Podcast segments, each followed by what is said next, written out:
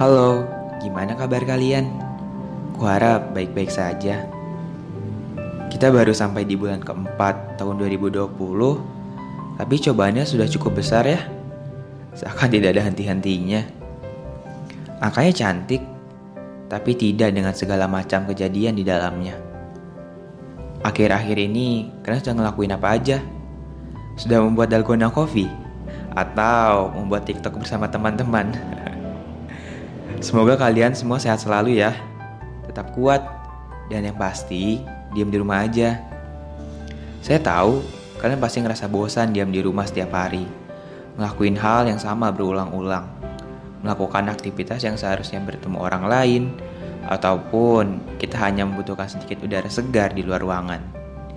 Sangat disayangkan memang, kita tidak sepenuhnya bisa melakukan apa yang sehari-hari kita lakukan. Tapi kita beruntung ya, masih ada teknologi yang bisa membantu kita. Coba bayangkan, bila saat ini tidak ada sama sekali teknologi, yang ada hanya kehambaran setiap harinya. Jadi kita harus bisa nikmati dan jalani semua ini dengan penuh kesabaran. Dan yakinilah, semua ini pasti ada hikmahnya. Skenario Tuhan itu tidak pernah mengecewakan.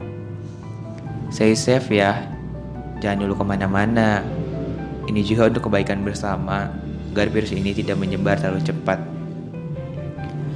Jadi tetap semangat ya, yang sabar.